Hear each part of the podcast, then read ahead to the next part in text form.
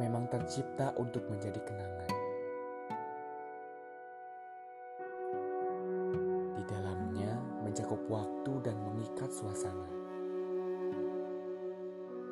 Menyenangkan atau menyedihkan yang pasti adalah kenangan. Lantas, perihal dikenang atau mengenang, apakah keduanya adalah premis yang setara? Di saat mengenang terlalu pahit, sedang dikenang tidak begitu pantas, lalu apa? Apa yang seharusnya aku lakukan? Duniaku seolah membujuk rayu,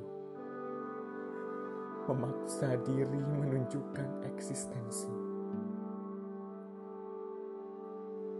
Padahal sejatinya, siapa aku.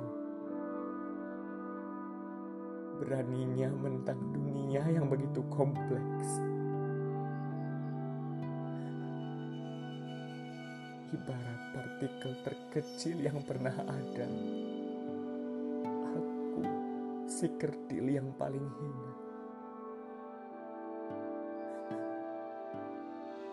Karena pada akhirnya Aku bukanlah siapa-siapa. Sebelum aku meninggalkan jejak yang.